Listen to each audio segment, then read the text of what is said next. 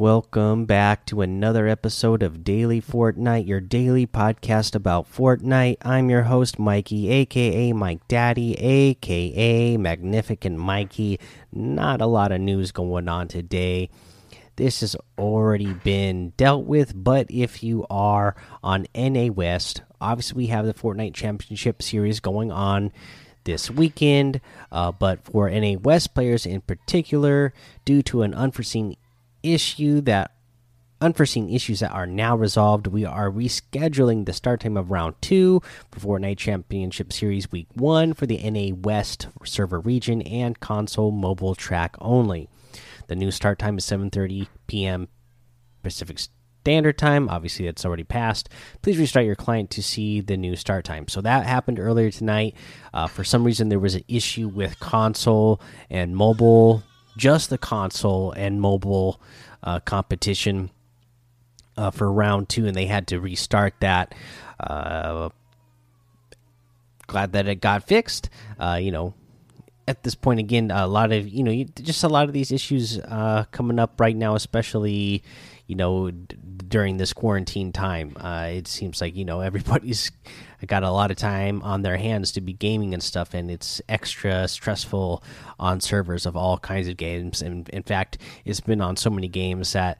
Uh, that I play uh, online that I was asking people in the Discord today, oh, you know what, you know what were some good suggestions for games to play that are offline, just so I didn't have to deal with server issues uh, from games that you have to play online, especially multiplayer games online. I got a lot of good suggestions, like uh, you know. Uh, Zelda Breath of the Wild, Final Fantasy VII, the original version, um, you know, I, then I remembered I haven't beaten God of War yet, so I'm probably going to go back and do that as well. Uh, one I liked here from, you know, the I think it was yeah, it was Brian RTFM that said Final Fantasy VII on Switch. Uh, Bo said Zelda Breath of the Wild, and then uh, another one that I liked was from Mad Kick saying that uh, hot potato and. Uh, let's see, uh, hide and go seek was a good one.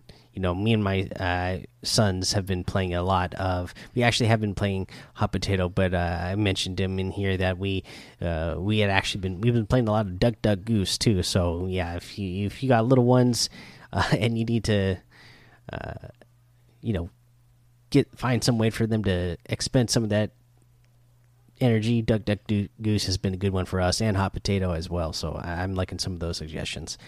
Uh, but uh, since you guys gave me those tips let me give you guys some tips of the day uh, for challenges anyways and for this challenge we'll we'll do the one where you need to kick a soccer ball 100 meters.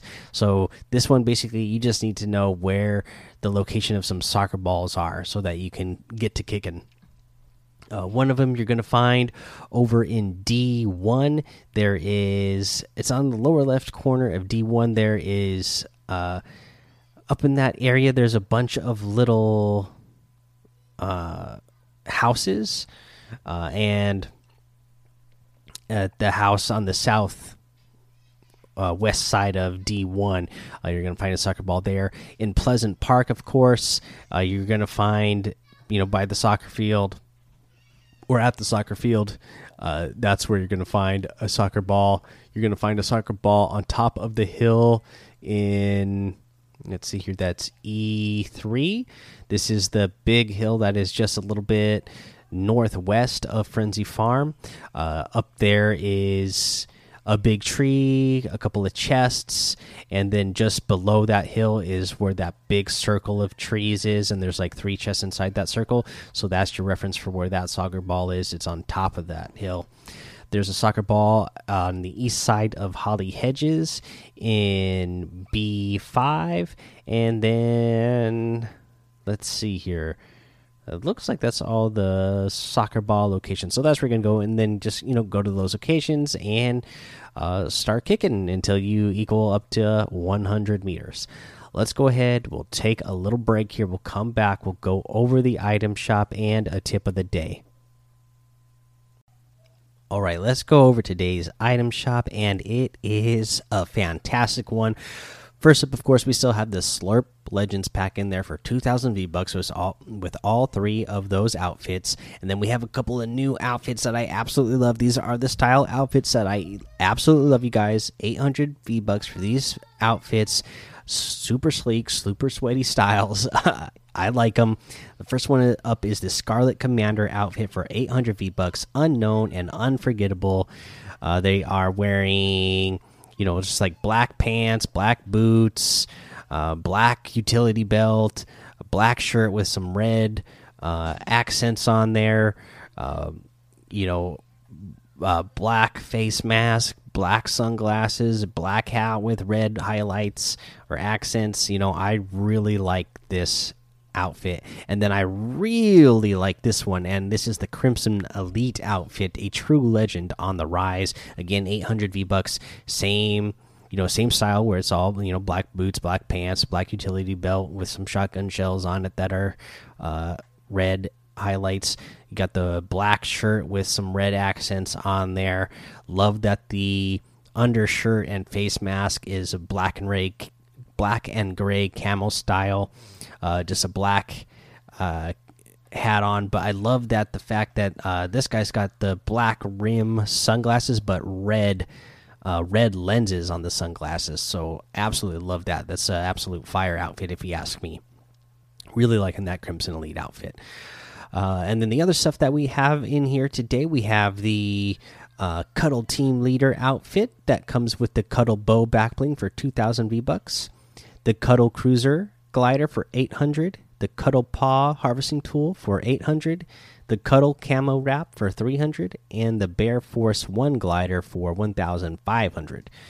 You have the Waypoint outfit for 1200 with the Signal Hub back bling. Uh, you have the PJ Pepperoni outfit that comes with the cheesy back bling for 1200, the Rock Paper Scissors emote for 200, the face palm emote for 200 the star wand harvesting tool for 800 and the star power emote for 800 you can get any of these items using code mike daddy m m m i k e d a d d y in the item shop and some of the proceeds are going to go to help support the show. Now for our tip of the day and the tip of the day for this one is just going to be a real cheesy way to help you get some uh more wins and uh, talking about it in the Discord today. Uh, you know, more about the Choppas. Let me see if I can find real quick who I saw talking about it to give some shout outs. Uh, let's see here. I believe it was. Uh, I don't know how you say the name. Uh, it it's what uh, Reeks. one two three four five and who else was it uh, that kind of started off that conversation? AMCR7 Jor. Anyway, those guys uh, were kind of talking about, and yeah, I mean, a great way to get some wins is to camp in the helicopter. But to go further with that, the way to really get yourself some wins is to camp on the edges of circles, because again, that you're gonna get, you're gonna run into less players there. Uh, that also gives you the idea of knowing what direction other people are shooting at you from because people are going to hear and see that helicopter, especially if they're closer by. And if you have that storm right behind you or next to you, you know that they're not shooting from that direction, most likely. Um, and if they are, they're going to be in a really bad bad position, which is only going to give you even a further advantage if you're in the uh, helicopter and they're still in the storm and you're shooting at them from there. Uh, so ride the edge of the storm uh, until you know till the end of the game when you need to start getting in the middle, and then uh, again you just have a great high ground advantage with with that, and just stay up there and shoot down and rain uh, uh, rain bullets from above on your opponents that are all down there below uh, for the win, of course. All right, guys, that's the episode for today. Go join the daily Fortnite Discord. Uh, follow me over on Twitch, Twitter, and YouTube. Mike Daddy on all of those. Head over to Apple Podcasts, leave a five star rating and a written review for a shout out on the show. Make sure you subscribe so you don't miss an episode. And until next time, have fun, be safe, and don't get lost in the storm.